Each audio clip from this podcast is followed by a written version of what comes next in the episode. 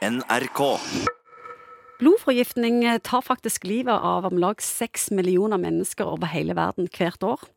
Likevel snakker vi ganske lite om blodforgiftning, selv om det er en av de vanligste dødsårsakene i Norge. Ca. 3000 hvert år. Og Morten Munkvik, hvorfor hører vi og leser nokså sjelden om dette? Nei, det, det det vet jeg ikke. Nei, det er nok ikke bare deg. Det, men, men man, man vet jo hva Man har nok hørt ordet blodforgiftning, så man vet hva det er. Men det er jo det man på en måte blir registrert å dø av dersom man dør på sykehuset av en alvorlig infeksjon. Hva er forskjellen forskjell på en blodforgiftning og en infeksjon? En blodforgiftning det er jo på en måte folkemunne. Dette her er en infeksjon som har spredt seg fra en eller annen plass i kroppen, fra f.eks. urinveiene eller fra en lungeinfeksjon eller noe sånt, så det er til blod. Sånn at du har på en måte bakterier som har kommet over i blod og gir sine giftstoffer og toksiner ut i blod. Og da påvirker det mange organer samtidig. Du kan få en multiorganpåvirkning og en multiorgansvikt. Så de fleste blodforgiftninger starter med en infeksjon? Ja, de starter med en infeksjon et eller annet sted, og så blir det på en måte en blodforgiftning eller en bakterier i blod som gir en sepsis, et blodforgiftningsbilde. Hva er en klassisk uh, infeksjon som gir blodforgiftning?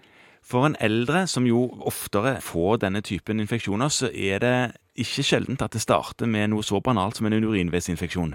Og det er da derfor man er litt hissig på å være sikker på at man ikke får det hos gamlemor på sykehjemmet eller på gamlehjemmet. Man passer på at de ikke skal få det, fordi at man får så lite symptomer av disse nedre urinveisinfeksjonene når man blir eldre. Sånn det kan seile under radaren, og så sprer det seg opp til øvre urinveiene, opp til nyrene, og gir en, altså en nyrebekkenbetennelse.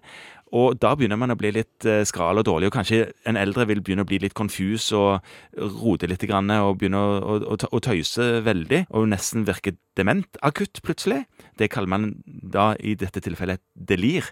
Og da bør en eh, lege tenke oi sann, her kan det ha vært en infeksjon som har spredt seg opp fra nyrene og ut i blod. Hvor fort går det fra infeksjon til forgiftning? Deprimerende fort kan det gå. Det kan eh, ta livet av en eh, sårbar person bare på dager. Hvem er spesielt eh, utsatt for blodforgiftning?